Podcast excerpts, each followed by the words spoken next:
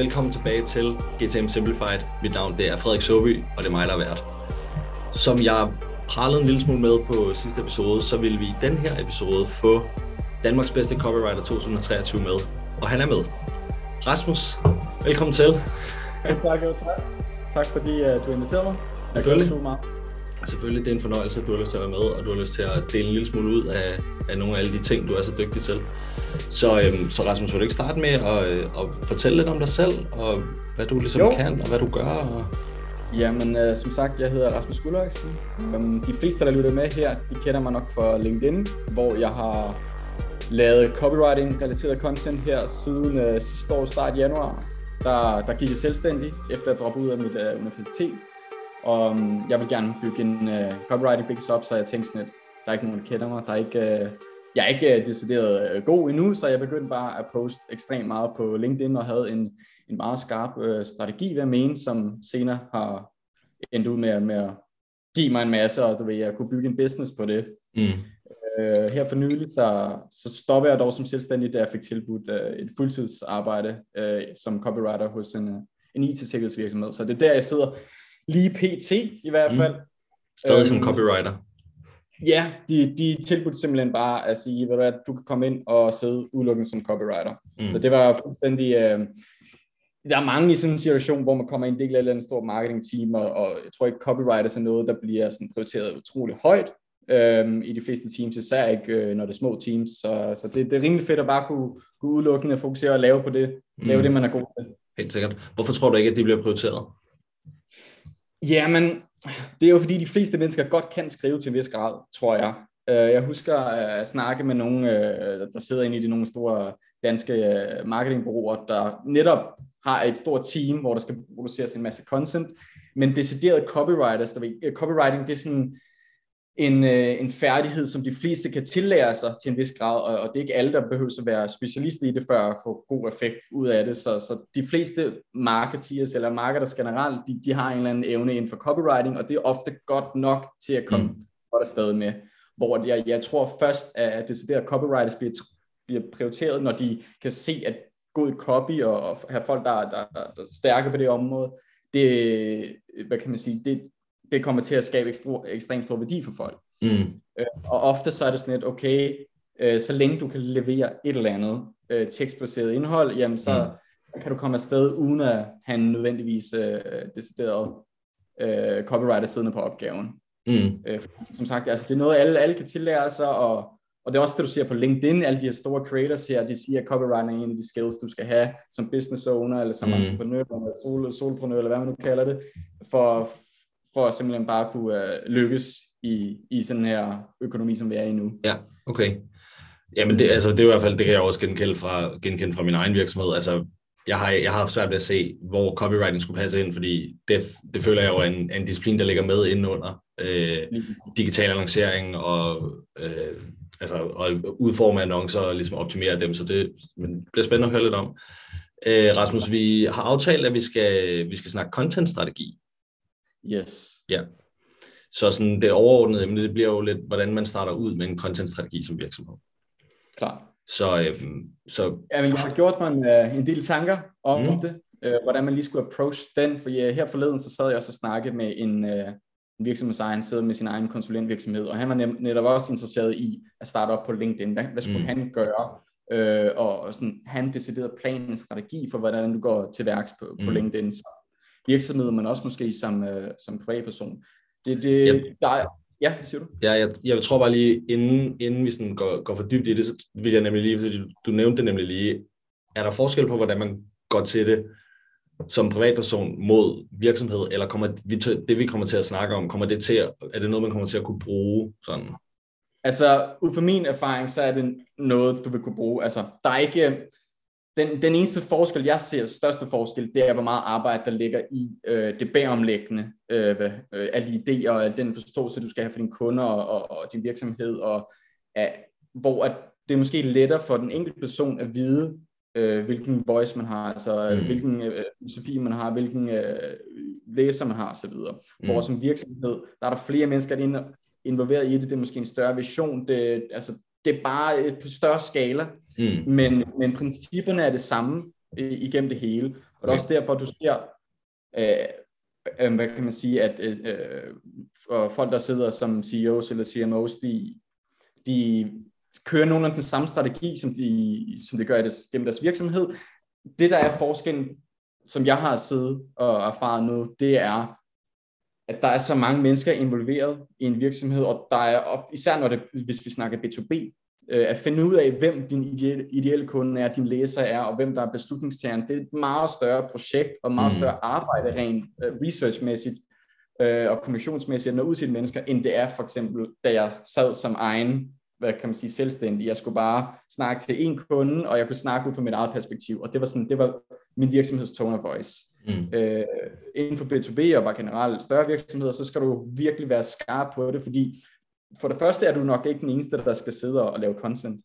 Så hvis du har et helt team bag dig, der skal sidde og lave content, så skal de have en eller anden plan for, hvordan de kommunikerer, og du har rigtig mange platforme, hvor du er aktiv på, og alt det, de skal spille sammen. Øhm, så, så, så, så ja, der er forskel på, hvordan du skal øh, gå til værks med det. Mm. Det kræver mere fodarbejde øh, som virksomhed og, og en større plan, og, mm. øh, men, men, men principperne, grundprincipperne er det samme, og okay. målet er det samme. Ja. Især når vi snakker LinkedIn. Du snakker meget om, at der skal være meget sådan fodarbejde, der er meget forarbejde, der skal laves og alle de her ting. Når vi ligesom griber det, snakker vi også om sidst, at når vi ligesom prøver at gøre det, så starter vi ligesom med det her strategiske narrativ, som kommer til at være det, som alting skal tale op i. Har du nogle, har du nogle sådan, hvis vi starter fra en contentplan helt fra scratch, og lad os sige, at vi skal bygge en organisk presence op på LinkedIn, mm. har du så en eller anden, et eller andet frame, eller en eller anden måde, du ligesom tænker om det på? Ja, altså jeg går ud for, øh, tager alt sammen udgangspunkt i to spørgsmål til en vis mm. grad. Øhm, hvem er vi som virksomhed, mm. og hvem er vores kunder? Ikke? Øhm, og, og hvorfor det er vigtigt at vide, hvem vi er som virksomhed, det er det fordi, øh, at der er tusind andre, der konkurrerer om det samme, øh, på det samme marked øh, med det samme problem, men og, måske endda med den samme løsning. Øhm, find ud af, øh, hvem I er som, hvad kan man sige, hvad jeres standpunkt er, hvad jeres filosofi er, hvad jeres værdier er, hvad, jeg, hvad der differentierer jer øhm, fra jeres konkurrenter. Enten i, i måden, det kunne være måden, I kommunikerer på, det kunne også helt basic, hvad, hvad differentierer jeg på produktmæssigt niveau. Mm. Øhm, find alle de her steder her, hvor I kan sige, at vi er anderledes for andre. Øh, det er den ene del, det er, helt, det, det, det er hvem jeg mm. Det er, for eksempel, hvis jeg sad med en virksomhed, skulle finde ud af, øh, lad os tage Lunar som øh, banken som, som eksempel. De har fundet virkelig ud af, hvem de er. De har sat sig selv som, de har jo det her, we're your other bank, eller øh, your second bank, eller et eller andet øh, de har den her ungdomlige stemme, den her disruptor stemme, den her, øh, vi gør tingene nyt, og vi tør tage nogle chancer, og vi er fuldstændig modpol til, til den normale øh, bankbranche. Øh, de har, og det her er ikke noget, de har bare gjort på fire minutter. Øh, tro mig, der har været mange mennesker øh, involveret over øh, i at få det til at hænge sammen, og få det til at blive en, en, en enhed, der, der er fælles på alle overflader, og det kommer ud gennem deres øh, øh, tv-reklamer, det kommer ud gennem deres ads, det kommer ud gennem alt det content, de leverer, måden de skriver product updates, deres customer service, alt det her, det er fuldstændig line.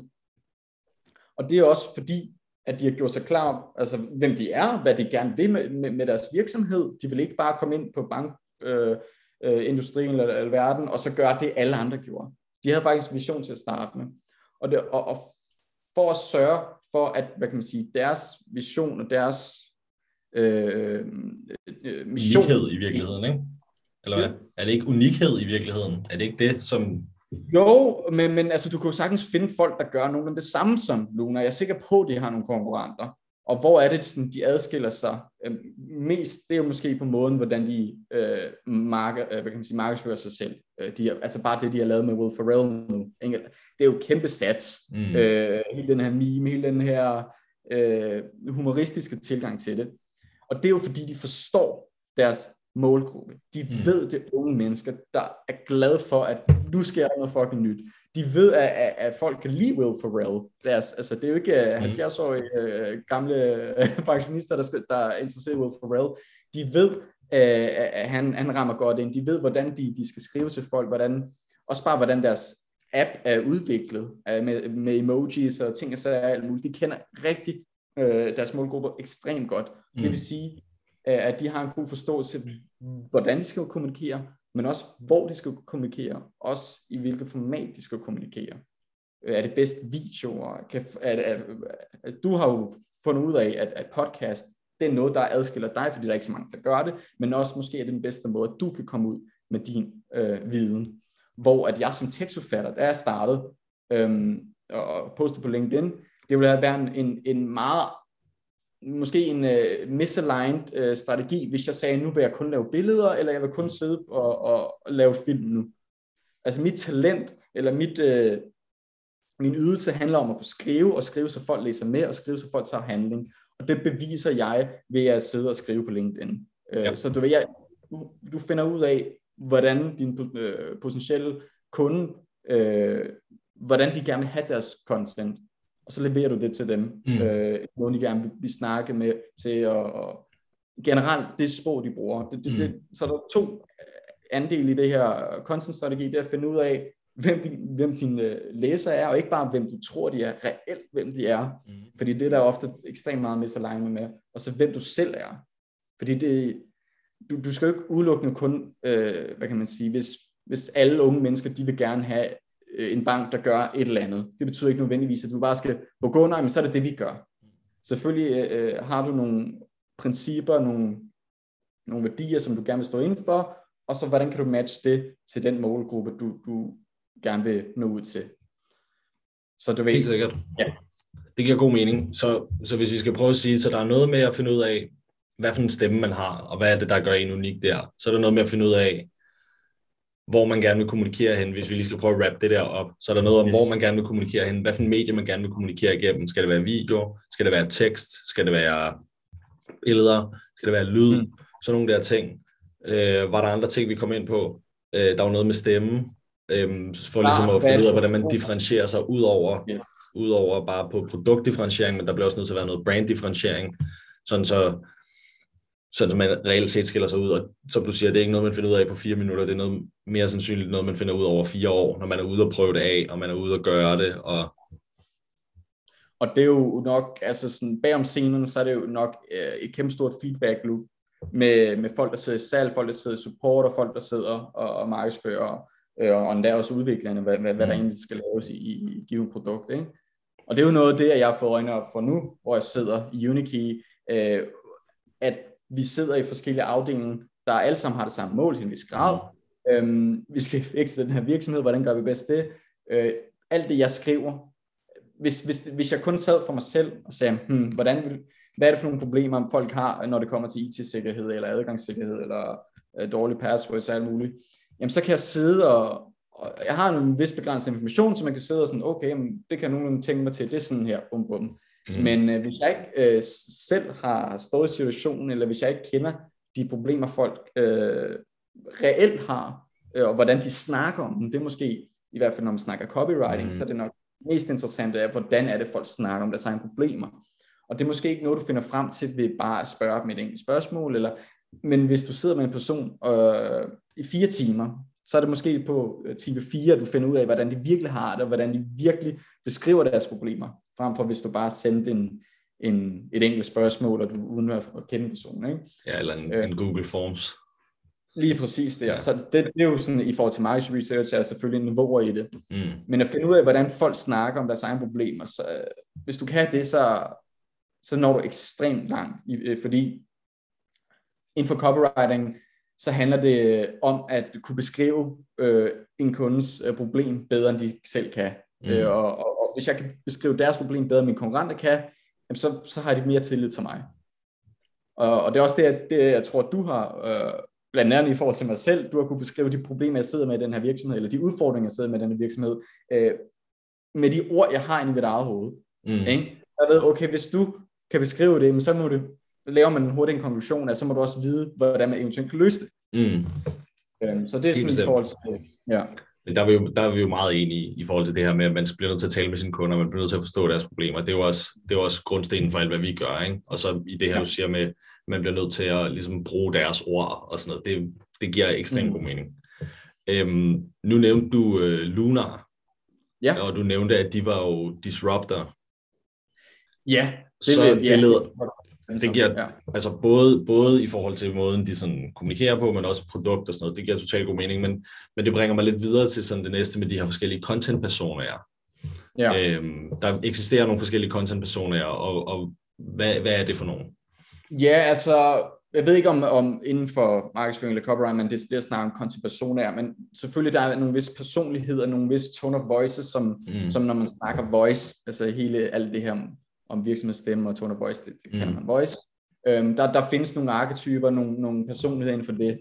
Øhm, der er øh, sådan den autoritære person, eller øh, stemme der, som mm. den alvidende, eller guruen, eller ham, der har været i game i rigtig lang tid og siger tingene, mm. som de er. Øh, det kunne være sådan som Microsoft, ikke? som mm. man fuldstændig bare respekterer. De der, de, hvis de er begyndt at, at, at sidde og, og skyde lidt til højre og venstre der, vil man blive fuldstændig forvirret. Mm. Øhm, så er der jo, øh, hvad jeg vil øh, sige, Luna var, de her anti-establishment. Altså de mm. kommer ind, og hele deres mission, det er at bryde op i tingene, øh, måde man øh, kommunikerer på, hvad, hvad folk har af forventninger til en bank. Ikke?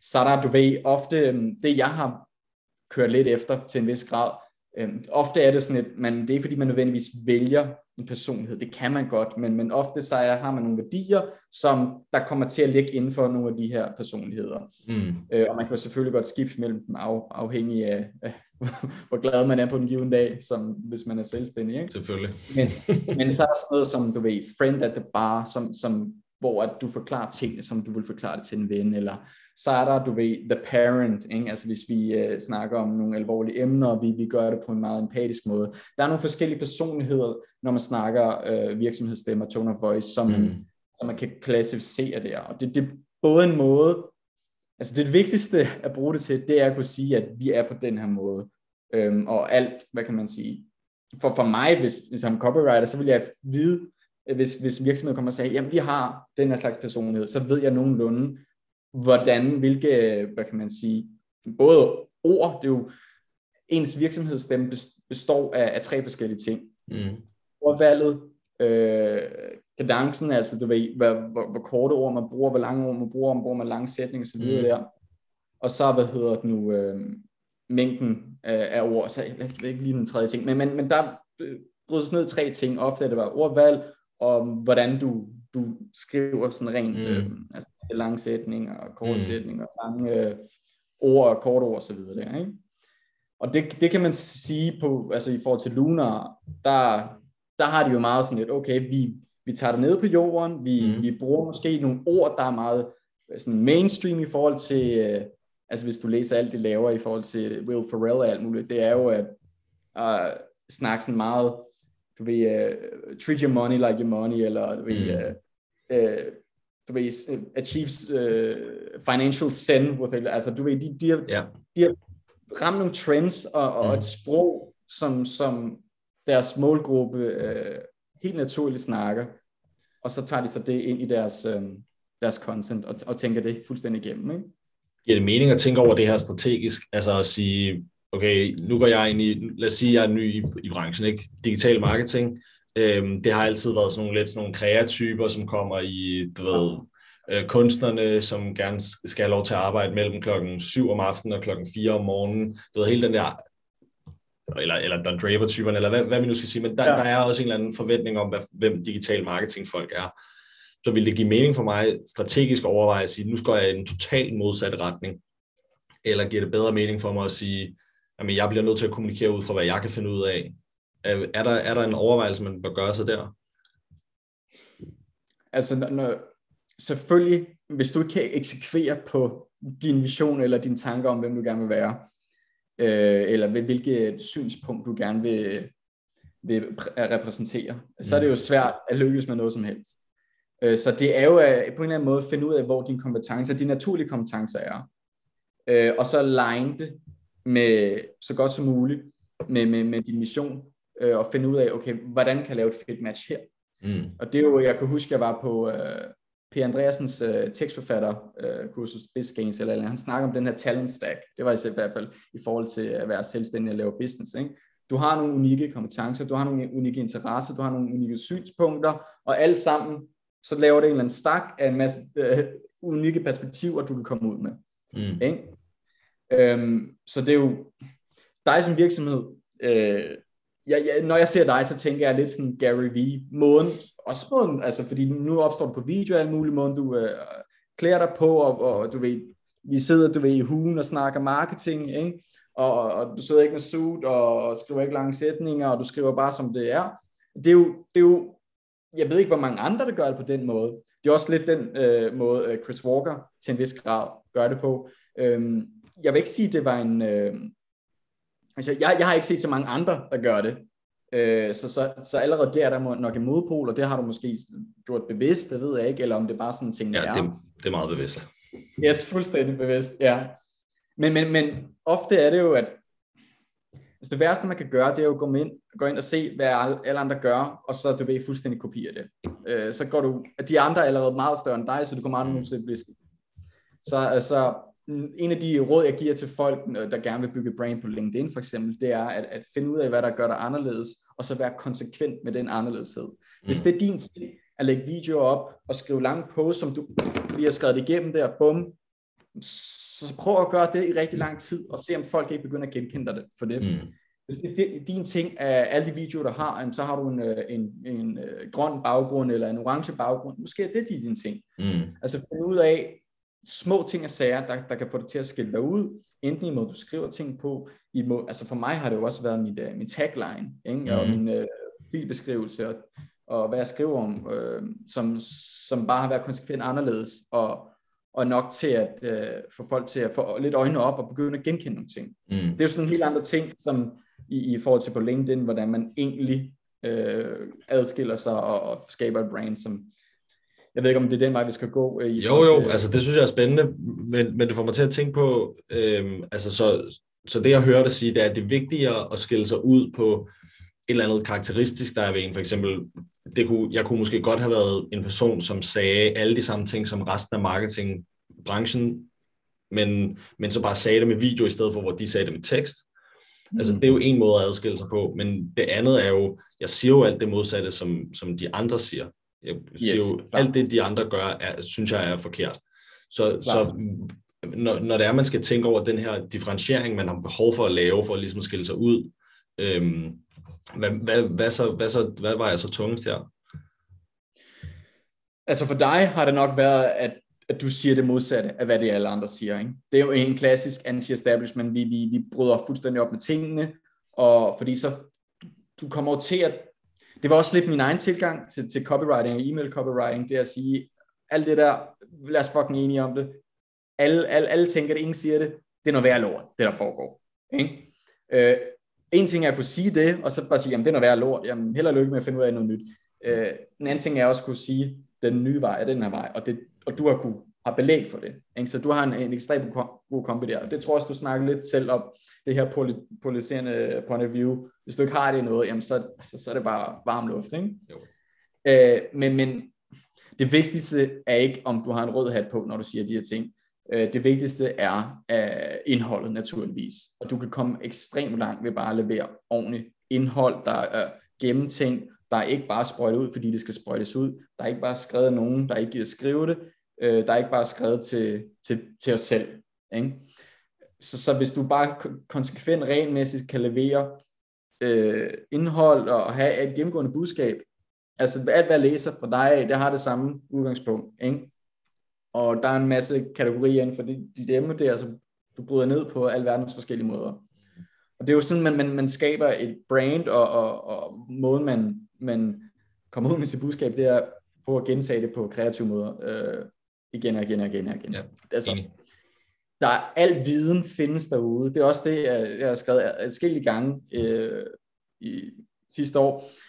Det er, at alle de her skrivetips, du ser fra tekstforfattere og copywriters og LinkedIn creators og alt muligt, du kan google det. Der ligger tusindvis af skrivetips. Det er det samme information, det er det samme bøger folk, det er det samme podcast, det er det samme teorier, øh, det er det samme research, alle folk har adgang til. Øhm, det handler ikke hvad du siger, ikke nødvendigvis altså om, hvad du siger, men det handler i den grad om, hvordan du siger det. Mm. Ikke? Fordi at, at jeg har skrevet et post forleden om, om en såkaldt GTA-model, som var, øh, hvad fanden var det, øh, gevinst, øh, tid og arbejde. Det kalder jeg det. Det lød fedt GTA. Mm. Så var der en, der skrev, jamen er det ikke bare den her model, hvor det hedder benefit without effort eller eller andet? Jo, absolut, men øh, det er ikke meget federe, at det var en GTA-model, altså folk ved et eller andet, okay, GTA, ja. eller en Street, eller en Grand Theft Auto, eller altså, lige pludselig, så, så siger du på en måde, en anderledes måde. Mm. Øh, og det er jo ofte måden, hvordan du leverer dit content. Øh, de nye perspektiver, du har på det, de analogier, du kan drage, øh, du ved, altså, helt klart, altså information er derude, det er ikke noget nyt, det handler om, hvordan du siger det, og også til en vis grad, hvem der siger det. Mm. Du kunne begynde at sige nøjagtigt det samme som toppen. Altså jeg, jeg vil tage Elon Musk der på Twitter. Mm. En tweet, det er hans tweetet. Der er ikke nogen, der vil give en fuck om det. Nej. Fordi det kommer ikke Det kommer, ikke? kommer på dig. Helt sikkert. Nå, men det, er meget, det er jo meget interessant, altså, fordi det er jo også til dem, der måske skal i gang med både at tænke, både, måske både at tænke øh, personlig branding ind i det, men også, også som virksomhedspage, altså fordi det er også noget, som, som er tit et sted, jeg kommer fra, det handler, det handler meget om at komme i gang med det her. Og så kan vi altid finde ud af, hvad er det, vi, fordi vi kan ikke sidde og tage en beslutning om de her ting i et bestyrelseslokale, og være sådan, nu skal vi være polariserende, nu skal vi have den her holdning, det bliver nødt til at komme et eller andet sted fra. Det virker som om, at det du siger, det er meget hellere at komme i gang med at tale om nogle ting, du ved, på en overvejet, altså på en overvejet måde, hvor der er kvalitet, og hvor du, du siger noget ordentligt. Det er meget vigtigere at gøre det, end det er rent faktisk at sige noget, som, som er meget markant anderledes end, end, øh, end hvad kan man sige, den brede konsensus. Klart, altså, jeg siger det, det fedeste, altså mit råd til, det er jo også, hvor jeg selv kommer fra. Jeg kan godt lide at, at være kantet og, og prikke lidt til folk og, mm. og komme med et modperspektiv. Og hvis du kender mig personligt, så vil du finde, finde ud af, at, at hvis du tager en, tager en øh, en, en holdning, eller så vil jeg komme og, og, og bare være, du ved, djævelens advokat mod, mod den given, selvom jeg måske er enig i, hvad du siger. Ikke? Fedt. Øhm, men der er, der er en, en tiltrækningskraft i at gå ud og, og sige, at, at Kajsen han har ikke nogen klæder på, ikke? Mm. Øhm, og, og, og sige noget fuldstændig markant anderledes. Øh, problemet er det, ja, det er ikke altid, der er noget, altså den bedste måde. Jeg gik jo ind for eksempel i e-commerce tænkte, vil det være storytelling i e-commerce, bum, det er bare det nemmeste, det, det er den måde, du, du uh, tager dig til, til, til nye højder. Problemet er bare, at det er en, en, en sandhed med modifi, uh, modifikationer, eller hvad fanden man siger, ikke? Mm. at du kan ikke bare gå ind og så skrive dig til, uh, at folk køber mere af dit produkt. Mm. Der er mange elementer, og der, der spiller ind i det, og der er en, en vis kultur i, i e-commerce, der spiller ind i det, som er svært at bryde op med, og det skal eksekveres ekstremt godt, hvis, hvis du overhovedet kan lykkes med det. Og det er en meget større opgave, og, og mm, for, fordi jeg selv er tekstforfatter, og så sidder man og, hvad kan man sige, undervurderer, hvad alle mulige andre discipliner faktisk øh, bidrager med i en given mm. situation. Ja, absolut. Ja. Okay, øh, det var jo sindssygt spændende lige at dykke ned i det der øh, rabbit hole der, men hvis vi prøver at gå lidt videre, så noget andet, vi skulle snakke om, det var også, om der var forskel på tekst til forskellige medier. Jeg har skrevet e-mail, organisk social media, paid social media og website. Er der forskellige måder, man skal tænke om, omkring at bygge sit, sin, sin, sin tekst til det? Klar. Øh, det vigtigste, jeg kan komme på, det er, øh, at der er forskel på, hvordan folk øh, altså selve konteksten, når du sidder på LinkedIn og læser. Altså, på SoMe så er der feeds, du sidder i, ikke? Og, som du scroller igennem. Mm. Øhm, du er et sted, hvor du kan se, at andre læser ting. Det vil sige, du sidder ikke alene med, med forfatteren, hvor mod inde i, i, inden for e-mail copywriting, så sidder du i din indbakke, som er dit private sted, mm. og der kommer en anden person ind og snakker til dig. Så det er jo en helt anden situation, i forhold til, hvis du skriver på Facebook. Man har det, tror jeg, mange folk med det, når de skriver ind på LinkedIn og, og på, på Facebook, så skriver de, hej med jer alle sammen, hej mit netværk, ikke? Mm. fordi man, man står på talerstolen og snakker ud til alle folk. Mm. Øh, det tror jeg bare generelt er en, altså selvfølgelig er der situationer, hvor det giver mening, øh, hvis man skal annoncere noget til, og man ved, at folk læser med, så kan man jo forudsige, at, at det er okay at snakke på den måde.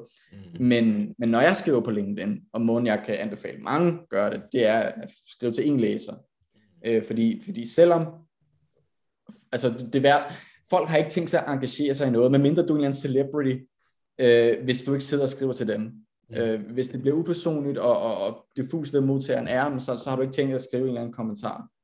Øhm, så ja, naturligvis er der forskel på, hvad du skriver. Der er også Altså før, da, altså da jeg startede med at skrive på LinkedIn sidste år, der var der jo også en begrænsning for mange øh, karakterer, man kunne skrive på, på LinkedIn. Det er der ikke i den e-mail. Øh, det er der måske på Facebook. Øh, Google Ads, hold kæft, hvor der er lidt øh, at skrive der, og, og det er altså i ads generelt, eller bare meget, meget få ting, øh, man kan få, få sagt på så kort tid der, ikke? Mm.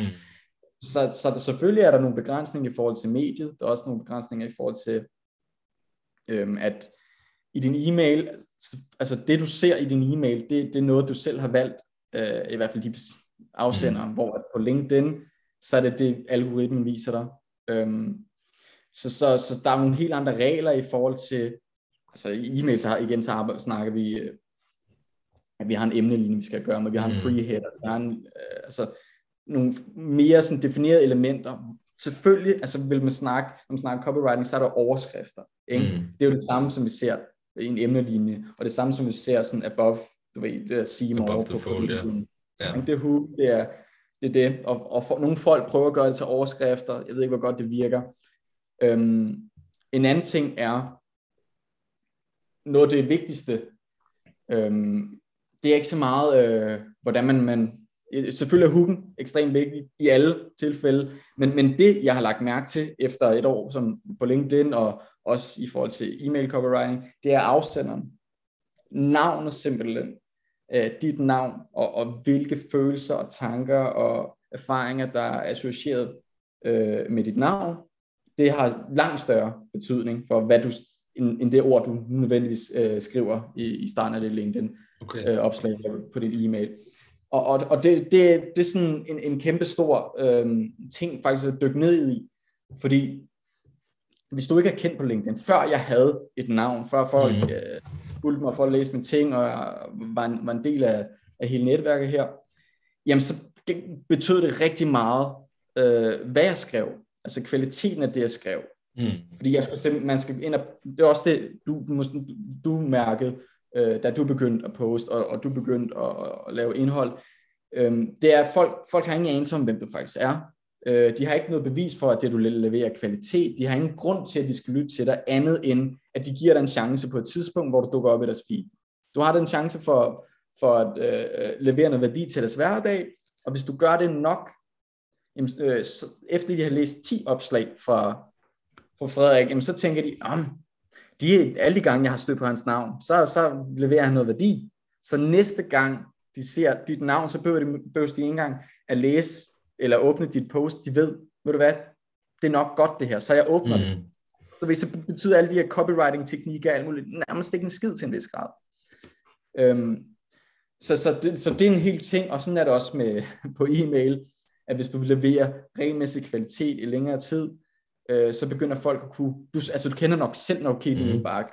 Du kigger efter navnet, ikke? og alle de her store firmaer, der skriver til dig, dem, dem går du lige over forbi, og alle de her øh, webshops, der skriver til dig, går du forbi, så, så dukker der et eller andet navn op, du genkender enten, fordi det er en ven, eller fordi det er en eller anden person, der plejer at skrive noget fucking godt, så klikker mm. du på det. Du er ikke rigtig en fuck om øh, emnelinjen. De kunne skrive hvad som helst. De kunne skrive, mm. lad være med at åbne ja, du vil åbne den. Ikke? Altså, Jamen, der, altså det, det, det er lidt der, vi er. Og, og, og det kan selvfølgelig være en sovepude som content creator. At det, det blev det måske for mig på et tidspunkt, hvor jeg sagde sådan, nu behøver jeg teknisk ikke lægge så meget i det nu, fordi folk mm. ser det alligevel, mm. indtil at de gør det. Og så skal du, altså, det er en, en balance mellem at kunne eksempel, bruge de her kræfter. Men det, Men det er spændende. Nej, undskyld. Ja. Nå, men du spurgte måske mere teknisk øh, i forhold til, hvordan man, man skriver på de forskellige medier. Øhm, og, og på LinkedIn, nu, nu kender jeg en, der, der, der lever af at skrive e-mail, som der så begynder at, at gå over på LinkedIn. Og, og personen her har måske vant sig på, på e-mail, der, der, der er der sådan lidt mere åbent for, hvor lang en historie kan være, eller hvor langt et skriv kan være, eller hvordan man skal skrive på den måde. Der er meget, meget storytelling, og man kan gøre nogle andre ting i e-mail, og folk sidder der alene og bliver sådan lukket ind i en lille hule, hvor man fortæller en historie. Og der er jo selvfølgelig også personalization i e-mail. Du kan skrive dit fornavn, ikke? Du kan skrive uh, custom ting, der er ja. afhængige af motor. Det er jo sådan et helt element. Og man kan ikke nødvendigvis bare tage det, kopiere det over, og så forvente, at det virker. Uh, der er rigtig meget i, uh, på LinkedIn, der handler om, om lister og der ved, opsætning. Ja, ja. Og der, det er en hel disciplin, hvordan folk gør det, og der er hashtags, og der er alle mulige ting, man skal uh, tænke på, som der kan have en effekt. Og i forhold til uh, call to actions, og hvordan man gør, altså det, det, det er en lidt anden disciplin, men, men de grundprincipperne i, hvordan du fortæller en god historie. Måske skal du bare gøre den kortere, den her gode historie, og lidt ændre din hook, når, hvis du mm. tager dig fra e LinkedIn og omvendt. Ikke? Så ja. ja, altså, men det, men det er interessant det der, du siger med, øh, lige for at vende tilbage til, øh, til, hvad du sagde med, at så følte du ikke, du behøver at lægge så meget arbejde i det. Altså, algoritmen, den straffer virkelig en, ikke? Fordi så har jeg haft mm. et par post nu her, hvor du kan garanteret godt genkende det. Så har man fået, jeg ved ikke, hvor mange tusind visninger, og så lægger man noget, og man tænker, nu kører det bare, så, kommer den, så får man 200 på den næste, ikke? Så, yes. så der er virkelig noget med det der med, med at sørge for at være værdiskabende, og sørge for at være... Øh, mm. det, det, af en eller anden årsag, så kan, så kan de finde ud af at, at fange det. Men... Ja, og, og altså, det, det handler jo, hvis man har den rette strategi, og man ved, at man leverer indhold, der, der har kvalitet og skaber værdi, så er det enkelte post måske ikke altafgørende for, for mm. din business. Så det skal det helst ikke være. Så er man rimelig fucked, hvis det er. Mm. Nej, helt sikkert. Øhm, har du egentlig, jeg kommer lige til at tænke på nu, fordi sådan som jeg, sådan som jeg har forstået det, så har du skrevet sådan på, på professional plan, skrevet mest e-mails. Det er det, du har, det er det, du har, øh, det var i hvert fald det, jeg yeah. kunne, synes, jeg kunne se på din hjemmeside. Tror faktisk, det var 50-50 okay. Øhm, okay. reelle kundeopgaver. Ja, okay. øh, der har været meget website copy, der var meget Facebook ads. Øhm, bevidst valgte jeg at sige, at jeg vil gerne skrive e-mails. Så det var det, jeg sådan lavede min hjemmeside baseret ja. på. Det var det, jeg byggede videre hen. Så. Ja, okay. Men jeg har været over det hele. Okay. Det, jeg var interesseret i at høre, nemlig, det var også, har du en eller anden måde, hvor man ligesom kan, kan kvalificere og sige, om den her e-mail, den er god? Fordi du siger, at det handler om at levere godt indhold og blive ved med at gøre det. Og hvis man sidder derude, jeg har selv siddet der, dengang jeg prøvede at køre, bygge noget e-mail marketing op og være sådan, så altså jeg synes, den er god, den her e-mail, ikke? Men det er også, fordi jeg mm. har skrevet den. Altså, men hvordan, hvordan har du en måde at enten at kvalificere eller kvantificere det på? Den er svær, fordi det er jo alt inden for marketing, alt inden for copyright, det er et eksperiment. Selvfølgelig mm. er der modeller, øh, som der kan guide os på vores vej, i forhold til at have de rigtige elementer med ja, start. Du skal nok ikke starte med at skrive en paragraf, der så står her, mm. og så forventer folk at læse en skid. Øhm, det fungerer i en bog, det er sådan noget helt andet. Mm. Øhm, men, men for mig, jeg kan se, fordi jeg har skrevet så meget nu, jeg, kan, jeg ved, hvordan øh, jeg, jeg har 250 posts at kigge tilbage på, jeg kan se, hvad der performede bedst, jeg kan se, hvordan det blev skrevet, øh, hvordan jeg skrev det, hvilke elementer det havde med, hvad emnet var, altså alle de elementer, fordi jeg har kunnet sidde og eksperimentere, med til, eksperimentere til, at nu ved jeg lidt, øh, har en god fornemmelse af, om en post kommer til at performe, øh, både hvor relevant det er for folk, om det, hvor langt det er, det, det kan have nogen effekt nogle gange. Men, men ofte er det sådan, at hvis du ikke selv sidder og tænker, det her, man er jo totalt biased, selvfølgelig vil man læse sit eget lort, mm. men øh, det er der ikke rigtig nogen andre, der, der har en interesse i. Så du kan, ja, mit bedste råd, det er simpelthen at eksperimentere. Skriv det, du tænker er fedt, læg det ud og gør det nok gange til, selvfølgelig hvis det, hvis det er en fuser første gang, du kan ikke hvad kan man sige, vurdere noget efter det, gør det fem gange øh, over to uger, se om, om det, det catcher øh, traction, hvis det ikke gør, find ud af, altså alle de posts, du reelt ender med at læse i dit LinkedIn feed, det er jo direkte bevis på, hvordan du skal skrive, mm. fordi du ender med at læse det. Mm. Så alle den du følger, kig hvad de gør. Der er mange af de her LinkedIn creators, der har ekstremt øh, fokuseret på, hvordan du skal skrive de post. Altså det er en hele verden, meta-verden, og hvordan du, mm. især på LinkedIn, øh, le- leverer LinkedIn-indhold. Altså det, det er fandme ikke så svært, og øh, det er det måske øh, lige i starten, men du finder hurtigt ud af, hvordan du skriver, og du bliver hurtigt øh, straffet, hvis du ikke kan skrive noget underholdende, mm. og altså der er jo en helt feedback-mekanisme, den her algoritme, måden like, folk liker, øh, om de overhovedet liker dit øh, indhold, om de kommenterer på det. Mm. Øhm, altså det er jo alle sammen input, du får, og, og da jeg skrev, jeg skrev et opslag hver dag, eller 160 dage, jamen så fik jeg altså 160 eksperimenter øh, mm. udført på 160 dage, og så, altså læringskurven der, den er jo ekstremt, ekstremt hurtig, end hvis du lægger et post ud hver anden uge, og så prøver at vurdere, om det fungerer. Ja. Altså, det, det, det er sådan en helt anden rate. Ja, ja. Nej, men det er rigtigt. Du kan teste, ikke? Mm. Og jeg kan ikke bare til sidst så får du den mavefornemmelse til sidst. Der er jo noget visuelt, øh, hvordan tingene er brudt op. Ikke? Mm. Øhm, ja, læsbarhed, ikke? Altså, fordi som du siger, hvis man bare smider sådan en blok tekst ind, altså så står man, det kan jeg i hvert fald genkende for dem, der gør det i, i min, altså hvis der er mere, jeg tror næsten, hvis der er bare fire linjer tekst eller mere, der sidder sammen, så står jeg bare af, ikke? Så der er helt klart noget at tænke ind i der. Helt klart. Og så altså, ofte kan en god idé, en god historie, øh, veje lidt over, hvordan den faktisk bliver fortalt eller skrevet. Mm. Øh, jeg har prøvet at have en, altså skrive noget virkelig, virkelig godt, synes jeg, sådan rent øh, skriftligt, mm. øh, synes jeg, velfungerende, men hvis ideen ikke er stærk nok, mm. jamen, så falder det helt til jorden, hvor at, ja. øh, for eksempel, at det post, der, der kom ud til flest, øh, det er det her, hvor en time er ikke en time. Mm. Det, det, det, det er ikke fordi, jeg skrev det ekstremt godt, eller fuldstændig højt, øh, flot farvet sprog og alt muligt. Det var noget, der var relaterbart. Det var en idé, folk lige hurtigt kunne sige, det var sgu meget cool, det der. Det, ja. Jeg godt lide. ja, man kunne læse det på 20 sekunder, ikke? Og du, man kunne læse det på 20 sekunder. Og så var der noget visuelt, der, der gjorde det sådan lidt. Mm.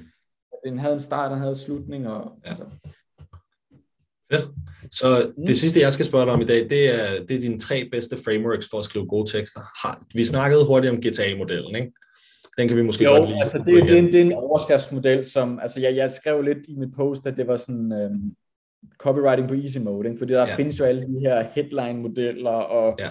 Altså, som er der, hvor folk starter, når de kommer ind i copywriting. Det er simpelthen, okay. at men så... det er ikke der, hvor jeg, ja, selvfølgelig er det vigtigt at lære de ting, mm. Øhm, men i forhold til for eksempel... Dine tre favoritter. Hvad for, nogle, hvad for nogle af dine tre go-tos, når du tænker, nu skal, jeg, nu skal jeg virkelig næle den her e-mail, eller den her social media post? Hvad er de sådan dine tre go-to favoritter? Den, den, den vigtigste, øh, som, som jeg bruger og har i, i mente hele tiden, det er det, man kalder PAS-modellen. PAS. Øhm, jeg tror også, Christina Kisgaard, hun kalder det Zoom-modellen. Og, og det er fordi, at man, PAS, man starter med et problem, mm. som din læsers problem, eller et givet problem, nogen har, så kommer du til A, agitation, det vil sige, du begynder at stikke, stikke huller i det her problem og, og presse ind på det. Christine Klitgaard siger, at man zoomer ind på det. Mm. Det er en, fordi der er ikke mange, der forstår, hvad agitation betyder. Mm. Øhm, og så når du har gjort det nok til at få folk til at sådan, ah, for satan, du rammer godt der, så præsenterer du så din, øh, din løsning. Ikke? Og der er jo selvfølgelig variationer af den det, her. Hvor, så det er for solution. Solution, lige præcis. Yes. Ikke? Og den, altså, hvis du ikke er god til at fortælle historie, hvis du ikke øh, har stor erfaring inden for det, bare den mentale model, at du præsenterer enten et problem, eller Christina Klitsgaard siger også, at du kan også præsentere en drøm, ikke? og zoome ind på den drøm. Så det kan enten være sådan et frygtbillede, eller problemorienteret, eller det kan være sådan et gain, du ved, en drømbillede. Ikke? Mm. Øh, enten noget, du vil væk fra, eller noget, du gerne vil hen mod. Yes. Og så beskriv den øh, det problem eller den drøm i detalje, og når du beskriver det i detalje, øh, så hvad hedder det nu, viser du, at du reelt forstår problemet. Du, mm. du gør det øh, håndter, øh, håndgribeligt ved at øh, snakke i billeder eller skrive billeder. Øh, og, og det, det, det, man kan gøre forkert her, det er, at hvad kan man sige, hvis det er et ømt punkt, så er det måske ikke vigt, øh, så fedt at øh, læse øh, to sider om, hvor fucking hårdt det er ikke at have nogen penge, eller eller andet, ikke? det er der jo sådan en, en masse amerikanske copywriters, der øh, kan bruge 14 sider på at beskrive, hvor, hvor ja, ja. det er øh, ondt i ryggen. Ikke? Jo. Øhm, men, men gør det til nok, hvor du kommer til et naturligt punkt og siger, okay, det, det hvor hardcore det her problem er, mm. og så siger du, jamen, det er der ingen grund til at have længere, du ved, jeg har den her løsning. Ikke? Så, der, du, så laver du en overgang til at, at, at snakke om, jamen det problem havde jeg også, men øh, og derfor har jeg brugt de sidste 10 år på at lave det så solution, der gør det her for dig. Ikke? Og, så, så det er en meget mental model. Det er det med de her modeller, det er, det er ikke, der er måske nogen, der har et godt af at have det på et papir ved siden af, så at gå slavisk igennem, gennem det. Men, men det, som jeg lærte, øh, da jeg var på Christina Klitsgaards øh, hvad hedder det nu, skriv som et brug øh, kursus, det var især øh, at have de modeller som sådan baggrund for alt, du skriver. Mm. Ja. Øh, ikke fordi du skal øh, følge den slavisk, men du skal have sådan et, okay, du, hvis du ikke ved, hvor du skal starte, så prøv at starte med problemet. Mm. Og efter problemet, jamen har du beskrevet det godt nok, for, kan folk relatere, relatere til det her, så har du opbygget nok desire til, til at måske øh, at de er klar til at få en løsning. Ikke? Og det, det er den anden øh, model, som altså nok alle inden for, inden for kommunikation kender, som er den her AIDA-model. Mest yes. basic. Ikke? Og vi, vi starter med attention, opmærksomhed, interest, det vil sige, at vi skal beskrive problemet, i det, fortælle lidt interessant om det, få føre folk lidt længere ind i det her emne her. Så har vi D, som er desire, at vi skal opbygge noget efterspørgsel, noget, noget hvad hedder det nu? Ja, lyst, behov. Ja, lyst, noget behov øh, for det her løsning, eller det her produkt, og så ender vi af med, med action, ikke? Mm. Det vil sige, okay, hvad, hvad skal du gøre nu for at nå mm. videre i det proces, hvis du, hvis du er blevet fanget af det her, ikke?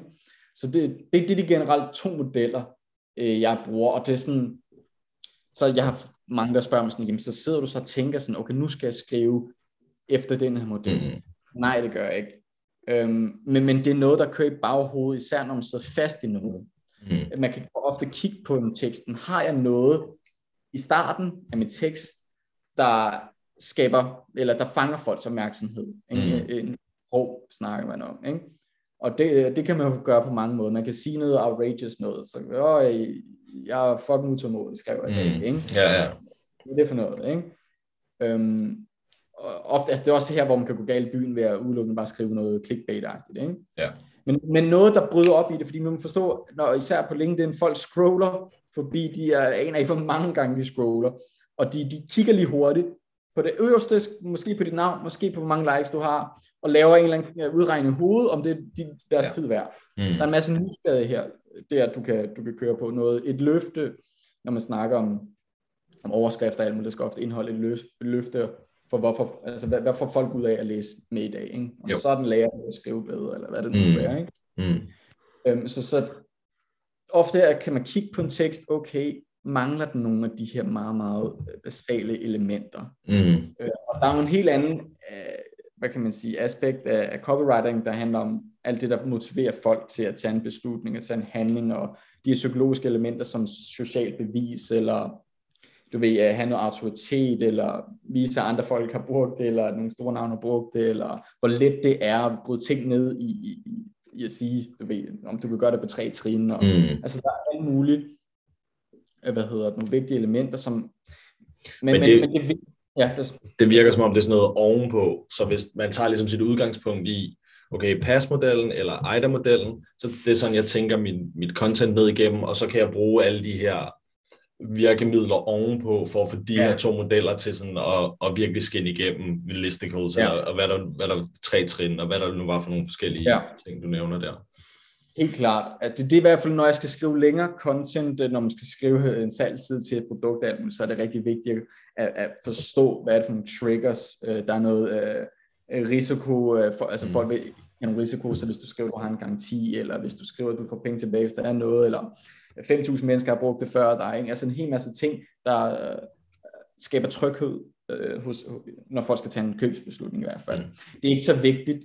Øhm, eller jeg har, jeg har faktisk brugt det lidt i action, øh, når jeg skulle promovere min, min e-mail-liste, hvor, skrive, hvor man skriver, du ved, at enten en, en profil inden for et, øh, hvad kan man sige, respektiv øh, industri, øh, for eksempel Heine Owen inden for copywriting, om han er på min liste, han har sagt det her. Ikke? Mm. Wow, det er blåstemning. Ja, det er fedt. Mm. Mm. Eller øh, så mange læser allerede med lige nu, og det er den mm. hemmelige klub, eller et eller andet. Altså, det handler om at forstå, hvordan vi, vi mennesker, vi, vi vurderer ting, øh, og inden vi tager en, en, handling. Det kan jo også se, det er noget, jeg har gået og tænkt rigtig, rigtig meget over. Det er måske en, en, en sidetanke, det her. Men, men på LinkedIn, nu har jeg jo fucking scrollet igennem LinkedIn hver dag i, i rigtig, rigtig, rigtig mange dage.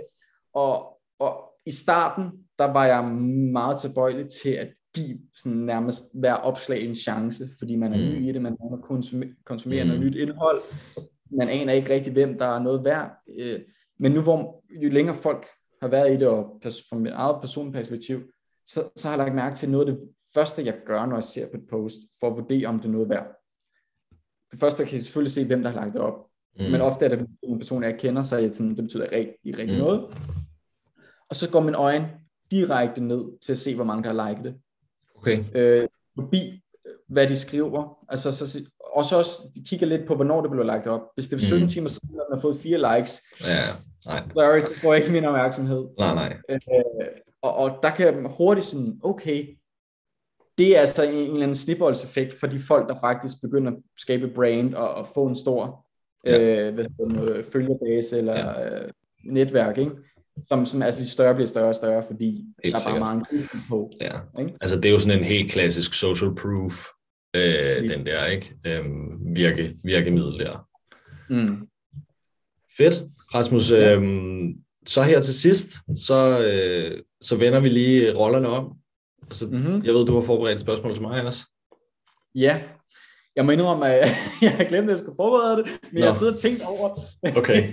hvad, jeg, hvad jeg vil spørge dig. Så, så mindre godt forberedt. Men i hvert Yes, fald, yes, der kommer et spørgsmål, hvis du har et. Ja, altså jeg tænker, for mig er det interessant at, at, at vide, jeg husker for lang tid siden, at du, at du begyndte at lave nogle YouTube-videoer med din virksomhed og alt muligt, Mm. og, og, og sætte dig for at skabe en eller anden fortælling og dokumentere din rejse. Hvad lå der motivation bag det? Og du ved, det er jo alligevel et meget effort, og det, det er modigt at gøre lige pludselig, at, at lægge sig ud på den måde. Sådan, hvad, hvordan kom du dertil, at du gerne ville gøre det? Jamen, jeg kom egentlig dertil, fordi jeg synes, det kunne være fedt at, at have. Det, det er meget, altså det er meget sådan, meget af det, jeg gør, er motiveret af, hvad synes jeg er sjovt, og hvad synes mm. jeg er fedt, hvad synes jeg kunne være grineren. Jeg synes, det er grineren for eksempel nu, fordi det er omkring, omkring et års tid siden, vi, vi, ude, vi lagde den første ud. Øhm, så er det jo sjovt at kigge tilbage på og se, hvordan alting så ud dengang. Øhm, der er 100% også et personligt brandaspekt i det. Mm. Øh, fordi jeg har, jeg har, forholdsvis store ambitioner. Jeg kunne godt tænke mig ligesom at sige, nu starter jeg her i Sobi Media, og gør ligesom det her, men, men jeg forestiller mig ikke, at, at Sobi Media er endestationen for mig. På sigt mm. kommer det til at være noget i retning af, at der kommer nogle andre til at drive det, der kommer nogle andre til at gøre, ligesom stå for det, og så kunne jeg godt tænke mig at branche ud, og jeg kunne godt tænke mig ligesom at, at bygge et personligt brand. Jeg kunne godt tænke mig at komme ud og, og, og stå på scener, jeg kunne godt tænke mig at komme ud og, og afholde workshops og, og seminarer, og hvad ved jeg, alle de her ting, øhm, Mm. undervise og lære fra mig, så, så det var et play for at komme derhen af. Mm. Øhm, og så hang, hang det sammen med, at, øh, at jeg i den periode havde en studentermedhjælper, som, øh, Mm. som også synes det kunne være fedt at gå i gang med. Og så, så flaskede de to ting sig, og så, så, lad os, så lad os få det gjort. Øhm, Ja, ja. Men, men det, var, det var meget motiveret af et, øh, sådan et, et branding-perspektiv for ligesom at, at prøve at bygge min, min egen personlige øh, Frederik Subi Mm. brand. Fordi altså, det, er jo, det er jo noget, der afspejler en, en stor vision, og, og sådan, for det, en anden del af det er jo, at sådan Gary Vaynerchuk, jeg tænker, øh, øh, Han var en inspiration for det. Ja. Ja, og det har han også været for mig, da jeg startede, fordi øh, han sagde, hvis du ikke har noget at lære folk, eller en eller anden kæmpe, øh, hvis jeg ikke har været i gamet rigtig lang tid, har jeg ikke noget at sige, jamen så er det udgangspunktet, du kan tage, det er at dokumentere din rejse, dokumentere mm. din udvikling. Og det, det tror jeg faktisk, er, jeg synes, det var jo virkelig fedt, at du faktisk øh, viste, hvordan det var øh, at drive det her, og finde mm. Kunderne og tage dem, og så hele den her behind the scenes, som min fornemmelse, det er at komme ind i erhvervslivet, eller skulle se, hvordan det var at lave business, alt, det er sådan lidt, okay, det, at lave forretning, det er kæmpe stor ting, Mm. øh, og totalt sådan abstrakt, og hvad, hvad vil det egentlig sige fra dag til dag, at drive en, en virksomhed, at drive en konsulentfirma, at drive mm. Et øh, øh, marketingbureau, og, og det, tage det ned på jorden, ikke? Og det, det altså, jeg, jeg har synes, det var fedt at gøre det. Ja. menneskeligt. Helt sikkert. Øh, Altså, men jeg synes også, synes også, det var fedt at gøre, og fedt at høre, at du godt, at du godt kunne lide det. Øhm, vi er desværre stoppet, fordi Magnus, han ikke, han ikke er her længere. Han fik et, øh, han fik et praktikjob, som, eller prak, en praktikplads, som han ikke kunne sige nej til. ja, men det, men, det så øhm, jeg godt. Øh, Ja, nå, okay. nej, men, men, øhm, men jo, altså så, øhm, men det er jeg da glad for, at du godt kunne lide. Altså, mm. Men har du, hvad, hvad har du planer om at eventuelt fortsætte sådan noget, eller? Ja, altså nå ja, det, var, ja, det kunne jeg godt have lyst til, men det kræver lige, at der er, øh, at, at det giver mening, øh, fordi mm. nu, er der nogle, nu er der nogle andre ting, der skal prioriteres, og, og sådan, de sidste tre måneder har været sindssyge, øh, og, og der vil jeg ikke, der vil det ikke rigtig give så meget mening, øh, fordi meget af det har været arbejde foran skærmen, øh, så det har ikke været så spændende øh, at skulle mm. dokumentere, men, øh, men 100%, og det er noget, der ligger sådan i, øh, i hvad kan man sige, støbeskeen, og noget, jeg godt kunne tænke mig at fortsætte med. Så, så Mm. absolut. Øh, men dejligt at høre, der er lidt, lidt, øh, lidt feedback på det der. Sådan. Godt. Jamen, det tror jeg var det for den her episode. Rasmus, tusind, tusind tak, fordi du har lyst til at være med. Det er mig, der takker. Det var, det var fandme hyggeligt, og jeg håber, folk kan, kan få et eller andet ud af det. Det er jeg helt sikker på, at de kan. Tak for den her gang.